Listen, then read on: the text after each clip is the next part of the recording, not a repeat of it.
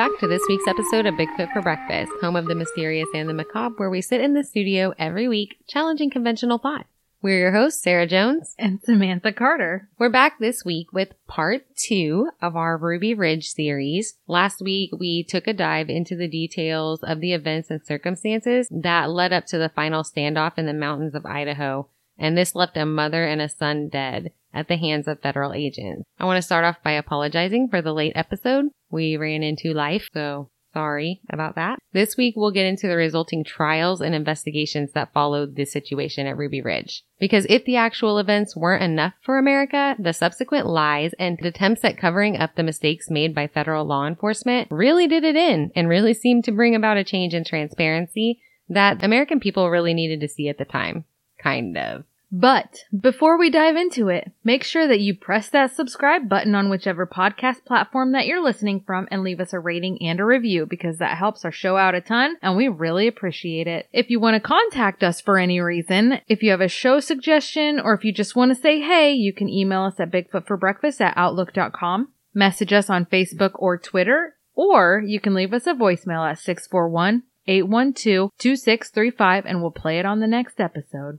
So we talked about Randy Weaver last week and the circumstances of his apprehension at his mountain home in northern Idaho. To summarize and bring the show current here, Randy made friends with a guy that he met at the Aryan World Congress who turned out to be an ATF agent. Long story short, he sold the informant two sawed-off shotguns and he ended up with a warrant for his arrest. He was arrested and after a series of clerical errors on the part of the court and the attorney's office, he didn't show up for court and another warrant was issued. Now remember, we talked about in part one that Randy was told at the jail that his court date would be set for February 19th. And then the date was later changed to February 20th. When Randy was sent the letter to notify him of the change in date, the letter mistakenly stated that the court date for which he must appear was March 20th. Later, after the warrant was issued for Randy's arrest for failure to appear, the press did an article on the matter in which a local judge was interviewed. In the article, the judge was quoted as saying that no such clerical error was ever made and that Randy just didn't show up. This is where the lying seems to have started. Randy saw this article and he was baffled by this. He was convinced that they were trying to set him up for something. The lying from the side of law enforcement in this situation is rampant, but so are the many cases of them blatantly overstepping their roles in an official capacity as though it's no big deal. Like they do it all the time and they can get away with it because they're the man. The fact that they seem to do it so easily makes me think that this is what the general culture of the law had kind of become in the 80s and 90s. Lying and overstepping at the expense of others. In the Senate Judiciary subcommittee hearing that was held way after the Weaver trial was finished, they talked about several of these missteps. The U.S. Marshals got involved because it was rumored that Randy had an arsenal of weapons and a reputation for being anti-government.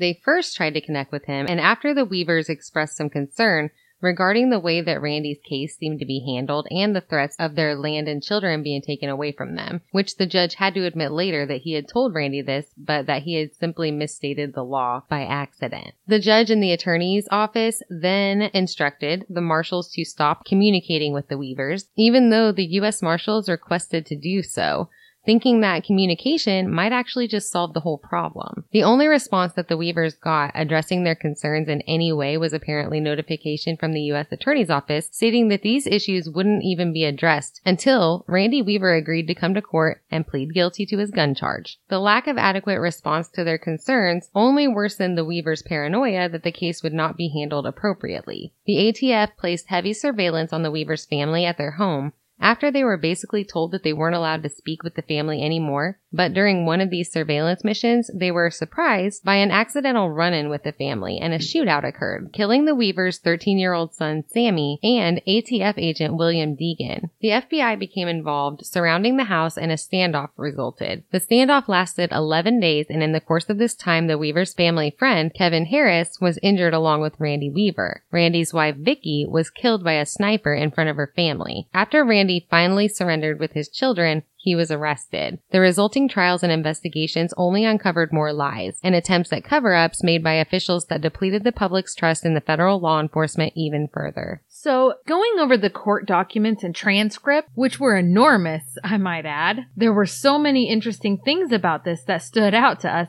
and pretty much everyone else in America during the 90s. So let's just kind of start with the ATF informant. As you heard in the last episode, the guy's name was Gus Magisano, and he actually started off getting friendly with another guy within the Aryan Nations group and then ended up buddying up with Randy Weaver. Randy was already on the ATF's radar because he'd been associating with this group of people who were known racists. They knew that he had said some possibly threatening things about the government and they they knew he had a big stash of guns up there in the mountains. They already viewed him as a threat. He was trusted within this Aryan Nations group that they were looking at, and they needed more information from within the group, so this ATF informant Gus Magisano spent about three years making friends with Randy. In court, Randy testified that Gus had asked him many, many times over those three years to build him sawed-off shotgun with pistol grips made from the butt of the shotgun. Apparently, Randy was pretty skilled with this sort of thing, but he had never sold anything like that before and didn't want to get himself in trouble, so he repeatedly told Gus that he didn't want to do it. Gus was persistent. At one point, Randy found himself in a pretty dire financial situation and was having trouble taking care of his family.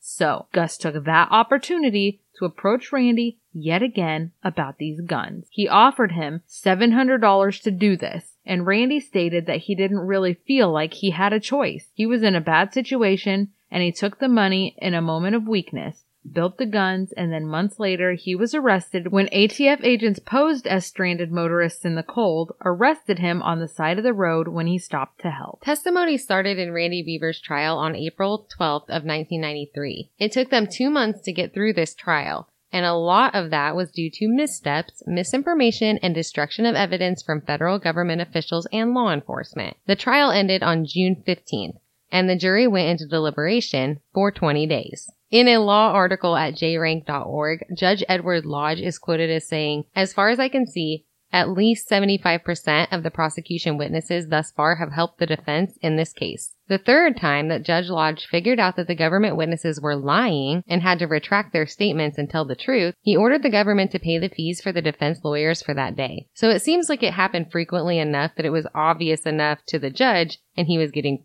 pretty sick of it. Even the witnesses who were called in to be cross-examined regarding the character of the Weaver family in their daily lives would say that even if they had bad instances with the Weavers or heard Randy Weaver say some pretty oppositional things about the government, they did seem to be largely caring and not necessarily violent people. During Randy Weaver's trial, Gus Magistano, or if we really want to call him by his real name, Kenneth Fadeley, was called to testify against Randy. According to a New York Times article, the testimony was pretty theatrical. They had him sitting behind a fogged glass on the witness stand, and they had a machine that changed his voice. During his testimony, Fadeley stated that Randy approached him and offered to sell him the firearms without any encouragement whatsoever. He said that Randy told him, quote, I can sell you these shotguns all day long, and that Randy, quote, hoped the guns would end up in the hands of street gangs. After Randy's acquittal, he went on to sue the government for $3.1 million in damages against his family and win. I want to repeat that. After Randy's acquittal. Acquittal. And there are a number of reasons why. Remember, we talked about the change in the rules of engagement made by the FBI? Well, those seem to have been changed when the FBI got a report of what had supposedly happened in the shootout on the Weaver property between the ATF and members of the Weaver family that killed Federal Marshal William Deegan and Randy Weaver's young son Sammy. Apparently, the marshals explicitly made it sound in their report as though they were ambushed and fired upon first by the Weavers. Based on the report sent to the FBI, they changed the rules of engagement to shoot any adult on the property on site if they're found to be armed. During the Senate Judiciary Committee hearing, FBI snipers took the stand. When asked to simplify these revised rules of engagement, one sniper named Peter King described them as, quote, if you see 'em, kill 'em, end quote. He also told the committee that the rules of engagement were, quote, crazy. Five FBI agents took the fifth and didn't say anything about it. You know who takes the fifth? Guilty people. Gotcha. The typical rules of engagement that the FBI use in a dangerous situation state that the FBI can use deadly force if necessary, if they feel that they or another person are in direct danger. Totally fair, of course. But on the way to Ruby Ridge, the FBI's rules of engagement were altered to state that they were to shoot any adult person on the property who appeared to be armed, but that shot should be taken only if it didn't endanger a child. There are a few things wrong with this. Numero uno. Numero uno. Un. The Weavers were a family who were always armed. Literally always. They lived in the mountains of northern Idaho and frequently worked, hunted, and gathered food outdoors for their family. Northern Idaho is home to grizzly bears, mountain lions, and moose. And FYI, if any of you think that a moose is just a cute flight animal, you are dead wrong. They are horrifying. And they are giant. And they're mean. Mean. And they will eat you. They will kill you quick. They will eat you. Radioactive moose. They won't do that. That's oh, it was true. it was reindeer, not moose. Yeah, it was. Please refer to our Dyatlov Pass episode. if you want to hear about radioactive reindeer eating mushrooms that were peed on. Yeah, that was that what happened? thing. Yeah. No. No, the They people were eating ate radioactive. mushrooms that the radioactive reindeer ate and peed out. So, in testimony for a federal judiciary subcommittee that was held later on, after the Randy Weaver trial, Randy testified that his children were taught to shoot and handle weapons from an early age for this very reason. At eight years old, he would teach them to shoot BB guns, focusing on how to use the sights and handle the weapon safely. They would carry this weapon for two years until they were 10 years old, allowed to practice with it whenever they wanted. And at 10 years old, they would receive a rifle and a dog and be given a little more freedom to go away from the home on the property alone to do things that they needed to do. Give them a gun and a dog. You know, It is what it is. it is. It's a lifestyle. I man. like it. I do too. Randy said that he taught them about the animals in the area and that if they ever encountered a moose or a bear, not to shoot it, but to fire into the air and scare it away because he never gave the kids a gun big enough to actually kill one of these animals. So shooting it would likely just injure it and induce an attack on the child. So traveling around the property armed was pretty common practice, and for good reason. The ATF agents had been surveilling the Weaver family for about mm, 18 months, so it's pretty obvious that they had to have known this. They watched them move around the property, admittedly observing their actions in daily life, their responses to certain sounds on the property, and even had cameras strewn around the land in order to watch them in their off time. It seems as though the new shoot to kill anyone who is armed on the property, even if they do not appear threatening rules of engagement, already seem incredibly out of line. Okay, so number two. Part two. The changes in the rules of engagement were a result of the report given to the FBI by ATF officials that they were fired upon first while performing surveillance duties and were ambushed. They reported that Marshall Deegan had been shot and killed by Kevin Harris, but no mention was made about the killing of Sammy Weaver. Let's just leave that part out. Scrub it clean, scrub it clean.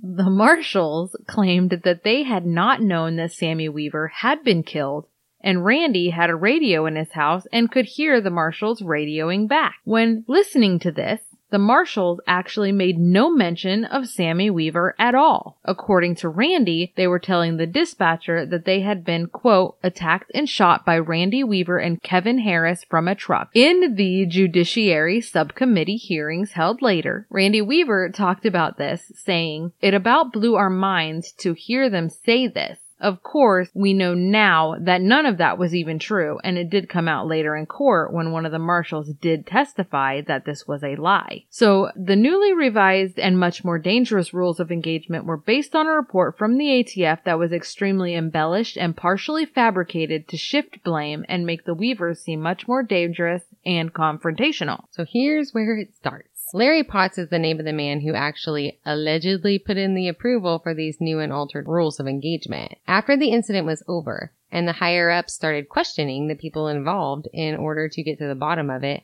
Larry Potts immediately turned to blaming other people. He pointed the finger at a man named Eugene Glenn, who was the commander at the scene. Glenn was suspended from his job and fired back that this was unfair because Larry Potts had been the one who authorized the change and was now trying to stay out of the spotlight. The Justice Department's Office of Professional Responsibility launched a full investigation into Ruby Ridge, and in this, They found that Larry Potts and four other top ranking officials were guilty of a lot of things. They were found to have not only conducted a very poor investigation of the incident themselves, but to have actively obstructed subsequent investigations into the FBI's involvement and withheld evidence from the investigators. Mm. Isn't that illegal? No. I'm the man. Anyway. Right? Okay. So at first, the director of the FBI believed Larry Potts and actually promoted him to the assistant director position within the FBI. It wasn't long, though, before more questions arose, and suspicion continued to increase as Larry Potts continued to lie and deny all of this. Eventually, he was demoted back to his normal position. Apparently, the director of the FBI and Larry Potts were super good friends. And so I kind of see how this happened. Larry Potts was telling the director of the FBI, I didn't know anything about these new rules of engagement. They just made those up on the fly on the ground before Larry Potts even arrived. But in all reality, that's this not was what. not the case. no, he just basically lied to his friend and then he put him in a bad position. So that'll come around later too. Another FBI higher up named Michael Kahoe was suspected to have actually destroyed documents regarding the FBI's actions in the Ruby Ridge case, including an FBI analysis document of their account of the incident. Obviously, if the higher ups within the FBI are going to this much trouble covering things up and putting their hard earned jobs on the line, they knew that what they had done was a big no no from the start, from the very least, soon after it was already done. At the end of the investigation into the rules of engagement change, the new rules of engagement that were used on the scene at Ruby Ridge were found to be, wait for it, unconstitutional. Whoa. Whoa. they said we went too far. They definitely went too far. In the aftermath of all the investigations and inquiries regarding the modified rules of engagement, there were a number of punishments doled out. Kind of. Quote, here's air quotes. Punishments. Hand slaps. Danny Coulson, who was the founder of the hostage rescue team, was given a letter of censure for failures in management, but also stated that he was not responsible for the approval of the newly revised rules of engagement. Michael Kahoe was also censured for failures in management and he was suspended for 15 days. Kahoe would later go on to plead guilty to obstruction of justice because he was found to have deliberately destroyed the FBI report that revealed who initially gave the orders to change the rules of engagement. The report was an after action critique document. He admitted that he ordered his subordinate officer, FBI Special Agent Gail Evans, to destroy copies of the FBI Ruby Ridge after action critique and a computer disk that contained the critique. Michael Kahoe was later sentenced and served 18 months in prison for doing this. Richard Rogers was the head of the hostage rescue team and was censured and suspended for 10 days. Larry Potts, the man found to have given approval for the change of rules of engagement, was found to have done so without the approval of the director of FBI. Not only did the director of the FBI not approve it, he did not even know about it, apparently. He continued to deny that he had approved this, and although he was punished at first and many members of the FBI said he was the one who did it, a later investigation stated that there was not sufficient evidence to prove that he did. So it was basically just their word against his, and they couldn't prove that he did it. So that kind of sucks. Eugene Glenn, FBI field commander. He was censured and suspended for 15 days. Remember, this is the guy that Larry Potts blamed for just making up the rules of engagement on his own and not being told to do it. His letter of censure blamed the approval of the rules of engagement on him, stating, Quote, as on-scene commander, you approved the rules of engagement that could reasonably have been interpreted to direct law enforcement officers to act contrary to FBI policy and law. End quote. Eugene Glenn spoke out against this, sending a letter to the Office of Professional Responsibility Counsel Michael Sheehan on May 3, 1995. His letter stated that the administrative review submitted to them by the FBI officials was meant to facilitate a cover-up, part of which was this wrongful accusation that he was the one who changed the rules of engagement unbeknownst to Larry Potts. Glenn stated that during the standoff, Potts spoke to him directly and told him that he himself had altered the rules and Danny Coulson had advised him to conform. Eugene Glenn requested that the Justice Department perform its own review instead of relying on the FBI administration to submit theirs. So they're like turning on each other in here. There's no loyalty when you're going down for doing something wrong. No, it sounds like every man for himself. Kind of. It's weird because they have situations like this where they're kind of like backbiting and against each other. But then they have other situations where they're all like cover it up. So it's always one or the other, you know? It's either every man for himself with certain people or it's nobody say anything and just sweep it away. So, this letter was a lot of the reason that an investigation was launched by the Office of Professional Responsibility by the Justice Department. In the end, the Office of Professional Responsibility found that there wasn't enough evidence to get Larry Potts or Danny Coulson in trouble because their approval of the newly revised rules of engagement cannot be proven. Lon Horiuchi, and Lawn. the one who pulled the trigger and actually killed Vicki Weaver, received no punishment whatsoever. There's more to come on Lawn. During the Randy Weaver trial, obviously they had talked about the discrepancies in the story of what happened in the shootout between the Weavers and the Marshals that set the entire thing off. We had said earlier that the Marshals involved had to admit that they had initially lied, that Randy and Kevin had fired at them from a truck. That wasn't true. There was no truck involved at all. The FBI sniper who killed Vicky Weaver testified later in another trial that they were given a briefing from the marshals prior to entering the situation. In this briefing to the FBI, it was stated to them Deputy Marshal Bill Deegan had been shot and killed by the Weavers, that the marshals remained pinned on the mountain by indiscriminate fire, making it sound as though they were still being shot at, when in fact they were not. The FBI was told that either Kevin Harris or Randy Weaver or Vicki Weaver was responsible for the killing of Marshall Deegan, that Randy Weaver was Special Forces military, that there were people in the cabin who were still armed, and that Randy was sending armed children out to investigate noises. It was reported to the FBI that Randy had called in neighbors and friends to form a militia at the cabin, so they weren't sure how many adults were in there. The local government was attempting to apprehend Randy for a firearms violation, and that anyone going up the hill to the cabin was in danger. So according to Horiuchi, this was the FBI's interpretation and perception of the situation going on in Idaho. So I can see how things kind of started off wrong already. You know, the FBI is coming in with a clean slate. They don't know anything about this. So they have to rely on information, kind of like we give nursing reports. The marshals were in the situation. They gave the report. Your patient is alert and oriented, time four and independent. right. None of that.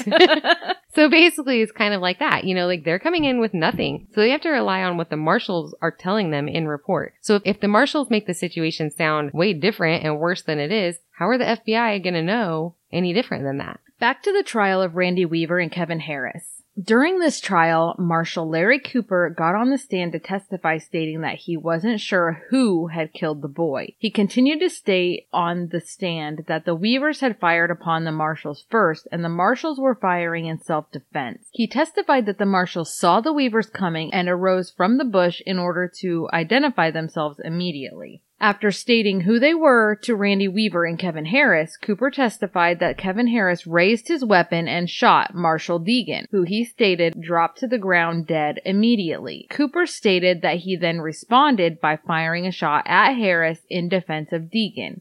He said that Kevin and Sammy had run away up the hill with the dog, and then he later heard two more shots, which he assumed came from Marshall Roderick when he shot the dog, Stryker. He heard Sammy yell out in response to his dog being shot. Marshall Roderick was cross-examined next, in which he admitted to shooting the dog because he was afraid the dog might attack them and that the dog would keep alerting to their position and lead the Weavers straight to their hiding spot. He corroborated the story that Marshall Cooper gave on the stand, that they did not shoot first, that Kevin Harris first shot Marshall Deegan and then the dog was shot a little while later down the road. But in a surprising turn of events, Another marshal was called to the stand to be cross-examined and he sang a different tune. His name was Frank Norris. He had been a little further down the road and didn't directly witness the shooting, but he could hear everything that was going on from his position. He testified to the court that he heard the very first shot fired and it was, in fact, the familiar sound of a shot fired by a 223, not a 30-06 like Kevin Harris was carrying. The 223 was one of the weapons carried by the marshals at the time, the one that Marshall Roderick was carrying, and not the weapons that were carried by Sammy Weaver or Kevin Harris. When expert witnesses were presented to the stand to discuss ballistics and the spent shell casings found on the ground in the area of the shootout, the story that the marshals gave of the incident became even less easy to believe. The gathering and placement of the shell casings on the ground showed that Marshall Deegan had not fallen immediately without having fired a shot. Apparently, it looked as though he had actually traveled 22 feet while firing six bullets from his weapon. There were 19 shots taken in the entire gunfight, seven from Marshall Deegan, six from Marshall Cooper, one from Marshall Roderick, two from Sammy Weaver, and three from Kevin Harris. At the time, the ballistics experts who had examined the body of Sammy Weaver and the scene could tell that the fatal bullet was from a 9mm handgun, but the bullet had not been recovered. When Marshall Cooper was questioned about this on the stand, he stated that he had not been aware that Marshall Deegan had ever fired his weapon at all. This is crazy to me because he said plain as day that the first shot taken was from Harris and it killed Deegan instantly. He stood by this many times, but the evidence plainly shows that Deegan walked 22 feet in pursuit of Sammy Weaver while firing seven times. How could Marshall Cooper not have noticed this? It had to have been a blatant lie, right? Not only this, but Sammy had shown to have been shot in the back as he was running away from the marshals back toward his home to his family. He had also been shot in the arm, almost severing it completely from his body. The shot on the arm was found to have come from the weapon of Marshall William Deegan. So Marshall Cooper said that Marshall Deegan had not fired his weapon and he took the first shot fired from Kevin Harris. Yet, the ballistics evidence completely aligned with Kevin Harris's story that Deegan was firing at Sammy Weaver and Kevin fired at Deegan to protect Sammy. Hmm. After the trial was over, one of the jurors was quoted as saying, I just couldn't buy the story the way the marshals told it.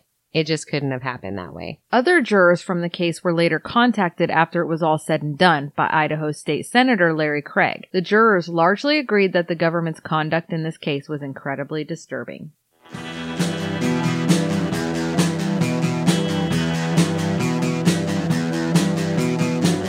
You're listening to the Prescribed Films Podcast Network, home to hundreds of hours of free podcast entertainment. The shows on this network all have a common goal providing you with the best discussions about movies and other forms of entertainment media. The PFPN hopes to fill your earholes with audio joy. Visit our website with links to all the other amazing shows at www.thepfpn.com. Thanks for listening.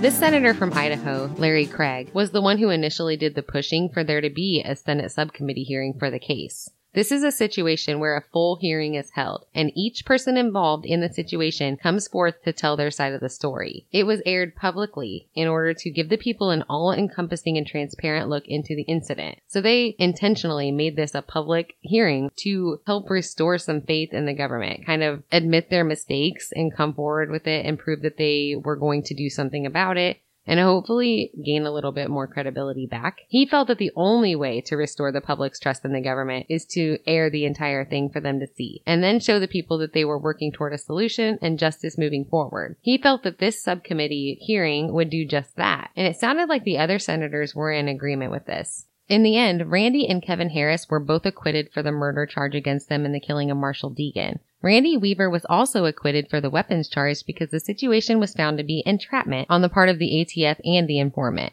Oh, you don't say. Weird. The only thing that he ended up doing any time for was failure to appear in court and violating conditions of bail. He got 18 months in jail for this. He had already been in jail for 14 months. He was out by Christmas. In 1994, Randy filed a lawsuit for the wrongful deaths of his family members. He ended up being awarded $3.2 million in this case, even though the U.S. Marshal Service and the FBI continued to deny that they were wrong in this situation. Kevin Harris filed the lawsuit as well and was awarded $438,000. So if the FBI was so right, why would they win all that and not do any time in jail? But that wasn't the end. As we stated earlier, there was an investigation from the Justice Department's Office of Professional Responsibility, as well as a public hearing from the Senate Judiciary Committee in 1995, two years after the standoff, at which all parties were allowed to testify their side of the story. So many more things came of this. There was also a trial for the FBI sharpshooter responsible for the death of Vicki Weaver, Lon Horiuchi, and we'll get into that here shortly because there were some interesting facts about Mr. Horiuchi as well. During the trial for Randy Weaver, when Marshall Cooper was testifying, he was said to have stated that he did shoot somebody and he knew that he wounded them because they, quote, went down like a sack of potatoes. Which would be interesting because the they initially had said they didn't realize that they had killed Sammy Weaver. During the trial, it was speculated that it had to have been Sammy because no one else from the Weaver family had even been injured. But two years later, in the hearings for the Senate Judiciary Subcommittee, Marshall Cooper testified again. He made statements that he believed it was Randy Weaver who accidentally shot his son in the back as he was running home. Mm-hmm. In 1997, they would actually go back to the scene to re-examine and they miraculously did find that bullet that killed Sammy Weaver. They determined that the fatal shot had been fired from the gun of Marshall Cooper. In that judiciary subcommittee, they found that Lon Horiuchi's actions in taking the shot that killed Vicki Weaver to be unconstitutional and recommended charges as his actions were not legal and violated the civil rights of Vicki Weaver. So we have to remember that these subcommittees and these hearings and the investigations, they do an in-depth investigation into the situation, but they can only recommend what the court should do. So just because they find that this happened doesn't mean that they'll be convicted or anything will come of it. In 1997, Denise Woodbury, the prosecutor for Boundary County, went ahead and brought charges for involuntary manslaughter against FBI sniper Lon Horiuchi for the killing of Vicki Weaver. This happened just before the statute of limitations for this charge could expire. Typically, in situations like this, federal agents are immune from prosecution by the state because it's kind of the nature of their job, but it was agreed that this immunity has limits. They wanted to be sure that Lon Horiuchi wasn't acting in an objectively unreasonable manner when he shot and killed Vicki. During the hearing to determine whether Lon Horiuchi would actually face a jury in trial, a good point was brought up. FBI were said to have considered the kids in the Weaver household to be hostages, Yet they fired into the open door of the cabin trying to kill Kevin Harris. They attempted to show that Horiuchi showed blatant, reckless disregard on Horiuchi's part, someone who is supposed to be a professional sharpshooter. It sounds from the court documents that it got pretty accusatory on both sides, really. The defense for Lon Horiuchi even went as far as to say that Vicki Weaver probably wasn't even holding baby Elishaba when she was shot. He accused Randy Weaver of fabricating this detail in order to make her death seem more gruesome and traumatic. Randy Weaver said in an interview outside of the courtroom one day after the hearing that he believed that Horiuchi had orders to take Vicki out. He wanted the charges to be changed from involuntary manslaughter to murder, saying, quote, Normal citizens are held accountable when they break the law. I was. He should be held accountable like the rest of us. End quote. Which is kind of true. Randy Weaver stood trial for the murder of federal marshal William Degan, even though he hadn't fired even one shot throughout the entire 11 day incident. Not one single shot. But now they're him hawing around about whether or not to charge Horiuchi with murder, even though they found the shot that he took at Kevin Harris accidentally killing Vicki Weaver to be unconstitutional. It does seem jacked up. Lon never actually went to trial. Judge Lodge ended up ruling that Horiuchi was acting within the scope of the federal authority and dismissed the case on the grounds of sovereign immunity. This happened in 1998. In 2001, a Ninth Circuit en banc panel convened and decided to reverse that decision because a huge amount of uncertainty surrounding the case. An en banc panel is basically just a larger group of judges from what I can understand. Lucky for Lon Horiuchi, there was a new prosecutor for Boundary County and at the time, not the same one who had brought these charges. His name was Brett Benson, and he himself decided to drop the charges against Lon Horiuchi because too much time had gone by and he didn't feel like the case was provable. Horiuchi went on to retire from the FBI much later and never so much lost a day of pay for what happened on Ruby Ridge. It's too bad that this case didn't actually go to trial because there were so many unanswered questions about it. The court who decided that this should go to trial before the prosecutor so kindly dismissed it, raised these particular questions. What was the position of the FBI helicopter when the shots were fired? Remember, it was stated that Horiuchi shot at Randy Weaver because a helicopter was flying overhead and he saw Randy Weaver shooting at it with his rifle or getting ready to shoot at it. This was disputed in testimony by Randy Weaver, Kevin Harris, and Sarah Weaver, stating that he was going to the birthing shed outside of the home to see the body of his son after he had been killed. It was also stated that Randy Weaver's back was to the helicopter and to Lon Horiuchi at the time he was shot. Lon Horiuchi testified to this. He stated that he could hear the helicopter behind him somewhere while his sights were trained on Randy Weaver. He was unsure of the actual position of the helicopter in the sky, just that it was somewhere behind him. In court, Horiuchi stated, I don't know where the helicopter was, sir. I would be guessing if I told you where it was. He stated that Randy was looking through his scope, scanning the sky or the trees above Horiuchi. So he was under the impression that Randy would be attempting to shoot the helicopter. So he took the first shot, wounding Randy. This is where I'm a bit confused because if Randy was scanning the sky above Horiuchi's head, he would have been facing the sniper, right? But it's said that Randy's back was to the sniper at the time that he was shot and wounded. The people inside the helicopter denied being shot at. They had also flown several other missions through and over the area in the past and earlier that day with no problems, using their own precautions. The next question was, what was the risk to the helicopter from those holding out at Ruby Ridge? Meaning, would the weapons that they were carrying even be sufficient to bring down a helicopter or to injure people inside of the helicopter should Randy Weaver have been shooting at it? Admittedly, I know almost nothing about weapons, and I'm not entirely sure of the caliber of weapons that Randy was holding at the time, other than it was said to be a rifle. But I did read that Lon Horiuchi knew what he was carrying and that he denied that the weapon would likely have posed any danger. The first shot that Horiuchi took, wounding Randy Weaver, was determined to be justified because he perceived an immediate danger. He perceived Randy to be a threat by the way he was holding his weapon and looking through the scope. Even if he didn't know for sure that Randy was aiming for the helicopter, Horiuchi's eyes were trained on him so Horiuchi didn't likely know what he was aiming for, but he appeared to be in a threatening stance so he used his judgment to take the shot. Okay, fair enough. It was mostly Horiuchi's second shot, the one wounding Kevin Harris and killing Vicki Weaver, that was in question. In trial, they tried to determine whether or not the shot to be reasonable or reckless. When he shot Kevin Harris as he was running through the door of the cabin, Horiuchi testified that he was trying to prevent him from getting back into the cabin. He had actually thought that Kevin Harris was the same man that he had shot earlier, Randy Weaver, and wanted to kill him before he got back into the house because he thought that he may try to shoot at the helicopter from inside of the cabin. At that point, he stated that the snipers would not be able to shoot back because the children were in the cabin. But when he shot Kevin Harris, and Vicki Weaver, he was shooting directly into the open doorway of the cabin. So how would he have known whether there were children there or not? Also, Horiuchi admitted that he couldn't tell Randy Weaver and Kevin Harris apart. In his defense argument, he stated that when he saw Kevin Harris running toward and into the cabin, he thought that it was the same guy, who he said was pointing a gun at the helicopter. This was a problem in court, as the other side argued it only pointed further to his recklessness in the situation. Not only that, the fact that Kevin Harris was running away demonstrated that the immediate danger was actually abating. Not only that, but the entire time that the Weavers and Harris were under fire from Lon Horiuchi, they made no attempt to fire back at anyone. Everything they appeared to have done was in retreat or to take cover from fire. Under normal FBI rules of engagement, this would negate the need for fire, but not under the revised ones. In most situations involving law enforcement and the perceived use of unnecessary force, there are some that even I find super hard to agree with, as does much of society. And I think that while we should be supportive and appreciative of law enforcement, I believe that there is nothing wrong at all with the public keeping them under a lens. It helps keep them honest.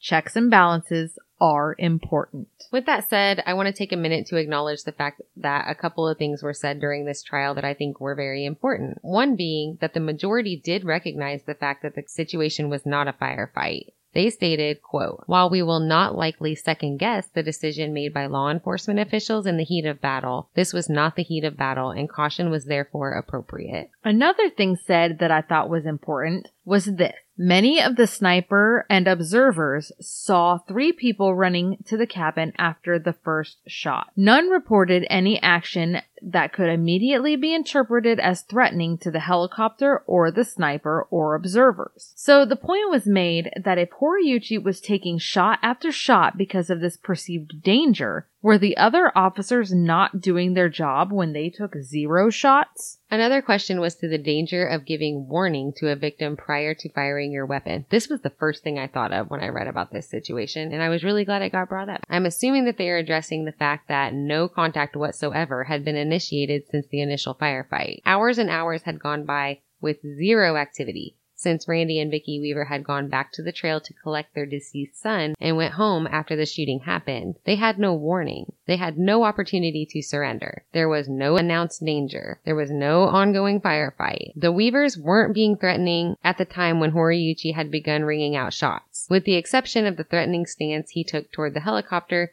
that no other snipers seemed to have witnessed. The Weavers had run away from the marshals that they encountered in the initial firefight, and they had not gone back to pursue them. They didn't appear to be planning to fight. It was stated that during this trial, approximately half an hour passed after the FBI snipers took their positions, and the Weavers were outside in their yard. The hostage rescue team that was present had ample opportunity to call out a warning to the Weavers, giving them a chance to surrender. Lon Horiuchi took shots at them like sitting ducks from his perch without warning at all, even though the Weavers had no idea that they were still fighting.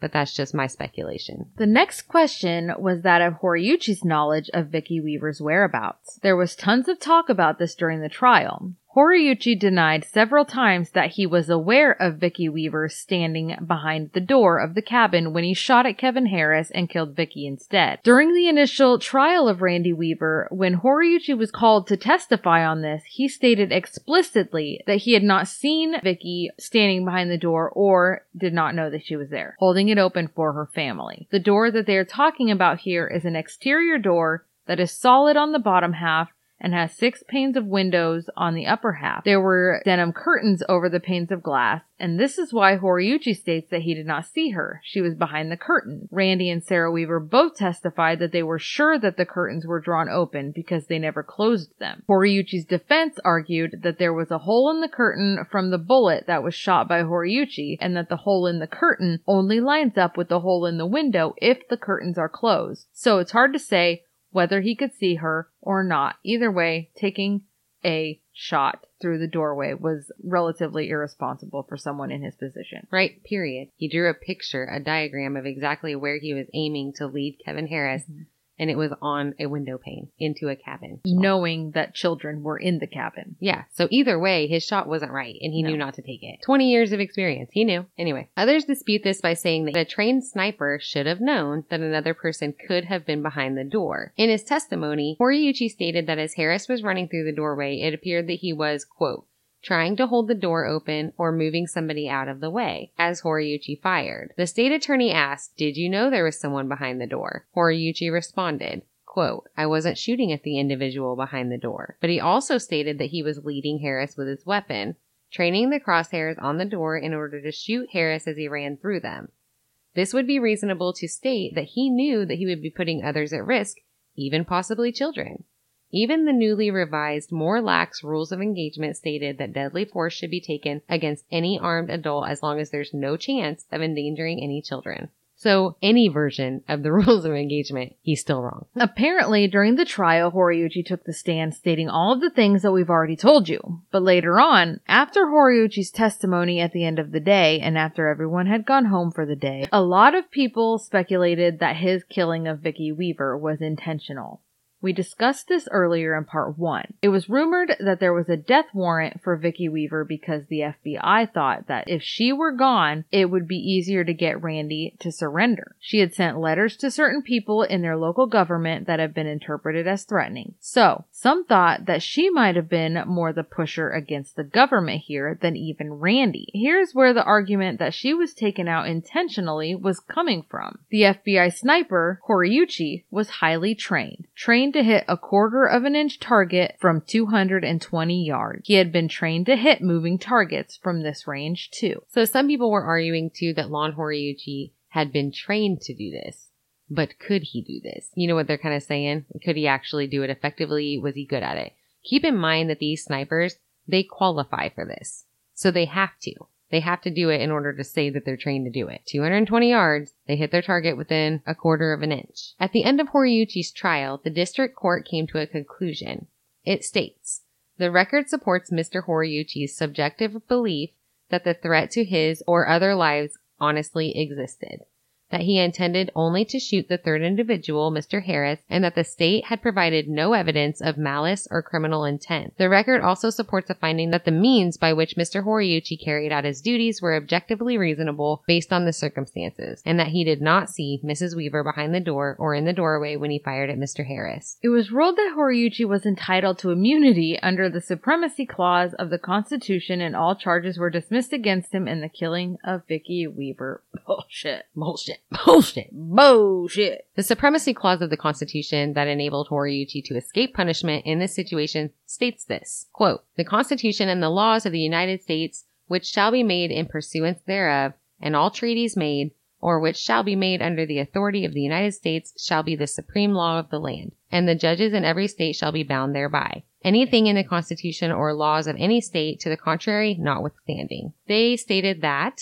quote, the state has not carried its burden of presenting an affirmative showing that Mr. Horiuchi acted in bad faith or that Mr. Horiuchi acted in a way that cannot be considered reasonable. I just do not understand that. How is it not reasonable to not shoot through an open door in a building where you know children are? You know, and if he wasn't prosecuted, I mean, it is hard in a law enforcement situation. It's hard to make those judgments. If he wasn't prosecuted for it, at the very least, he should have been punished in his job, right? At the very least. At the very least. I'm not wrong on that. No. So this is interesting because this was a Ninth Circuit court who determined that Lon Horiuchi would not stand trial for the manslaughter killing of Vicki Weaver. But they had no problem putting on a full-blown trial for Kevin Harris and Randy Weaver for the killing of Deputy Degan for which they were acquitted. I get it. Horiuchi is a man in law enforcement. Like we said before, obviously there are high risk, tense, fast moving situations in law enforcement in which they have to be given a ton of leeway because it is difficult for someone else to see what they were going through in that moment. But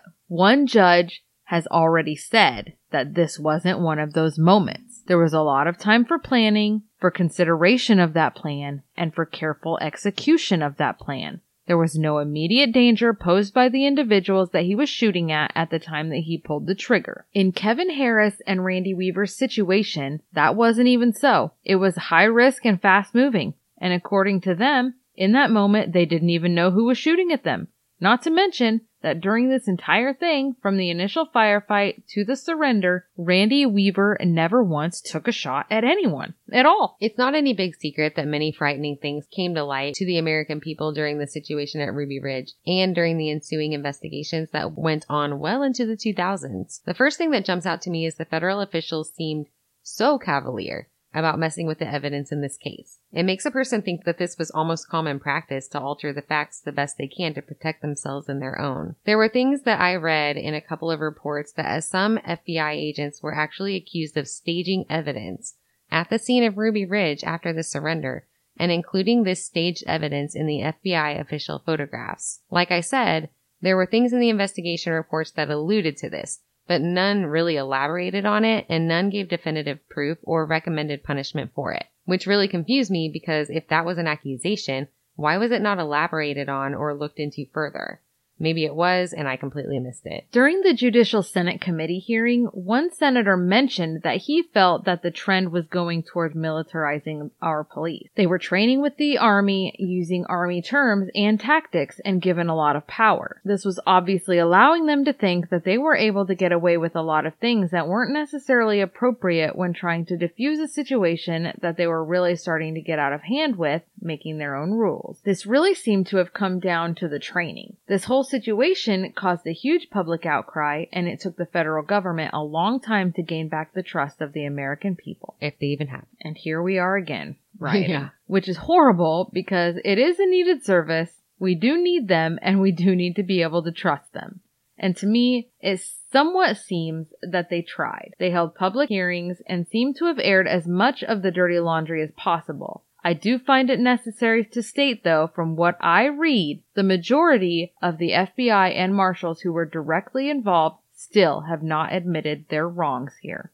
So basically, the government tried to air it all out and make it right in a way, the senators, but the FBI were like the disgruntled child being drugged by the hand to the stand. Like they never really did admit anything. Marshall Cooper was still admitting that Marshall Degan didn't fire a shot on the Senate Judiciary Committee. This was a couple, like years later. It was, he was still saying it, even though it was proven that he walked 22 feet, firing six or seven times. I still feel like it's important to say that it is definitely coming down to the individuals involved that are fucking this up for everybody. It really is because cops as a, cops as a whole are amazing. We completely support the cops, but there's that 5% within all of law enforcement that are not and they do horrific things. And that's what people see because that's what stands out to everybody. But really, cops as a whole aren't going to be happy with things like this either. Agreed. Right? It, it can't be us versus them. No. There are a few individuals that join law enforcement for the wrong reasons or start out joining for the right reasons and then end up getting the whole power trip thing or just get lost in the situation. Or influenced by others. But yeah, you can't you can't look at them as a generalization. You can't look at it that way. And as a people, we can't view them as our enemy because they're not. We need law enforcement. We have to have it. So it seems like the government was trying to make peace, you know, between the two angry sides, and it just never really came together. It's no secret that many people in government and the public who have spoken out about this and the things that the FBI got away with here. In 2002, a review of the allegations of a double standard of discipline at the FBI was put out by the Office of the Inspector General. In Chapter 5, it is quoted as saying, The conduct of deputy marshals and the FBI in the Ruby Ridge matter came under close scrutiny, and several times internal FBI and DOJ investigations ensued. These internal investigations also came under scrutiny, including some questions whether there was an effort in the FBI internal investigations to cover up original misdeeds. It also states, following years of subsequent investigations and retirements, only a few officials who were under investigation for the cover up portion of the case were left to have their cases adjudicated. These final disciplinary decisions were assigned to and decided by JMD. And for the final decisions, to the extent that there was a disagreement with them, cannot be blamed on the FBI's protection of senior officials. Although we disagree with the ultimate JMD decision, we do not believe that the JMD officials were involved in a systemic effort to protect senior FBI officials. Rather, we believe that JMD used the incorrect standard in evaluating the evidence. We also believe that the disciplinary actions in Ruby Ridge contributed to the continued perception of a double standard of discipline in the FBI. You don't say. Oh, and another thing. Oh yeah. And then there's this. A couple of years after the Ruby Ridge incident, we all know that there was another incident in which the FBI came under direct scrutiny. The situation with the Branch Davidians down in Waco, Texas. Negotiators had been working for weeks for a peaceful standoff. There were to be no shots fired. The deal was that at the end of the standoff, a FLIR analyst was commissioned to analyze characteristic repetitive flashes noted on a camera tape coming from a position in which a member of the FBI hostage rescue team sniper was stationed. The station was from a house across from the Branch Davidian compound and was called Sierra 1. These flashes were alleged to be gunfire directed at the retreating Branch Davidians as they fled a building in flames, posing no threat. I feel like I can't say this slow enough right? Like she really wants you to understand.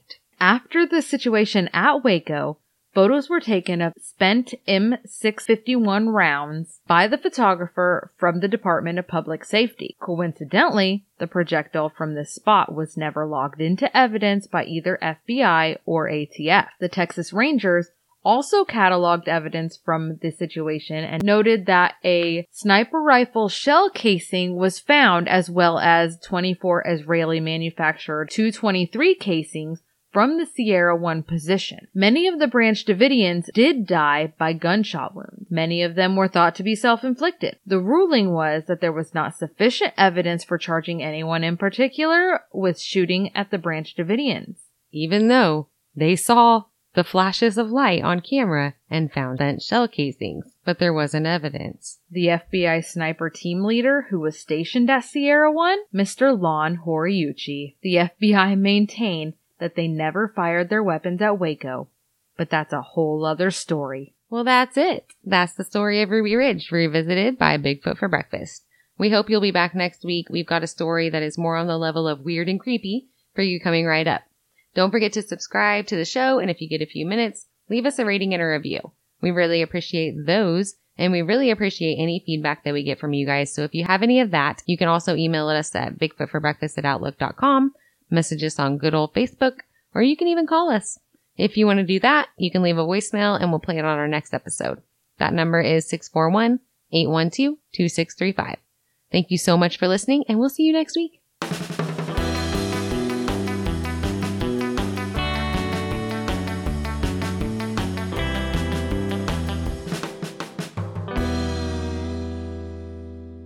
Come at me, bro.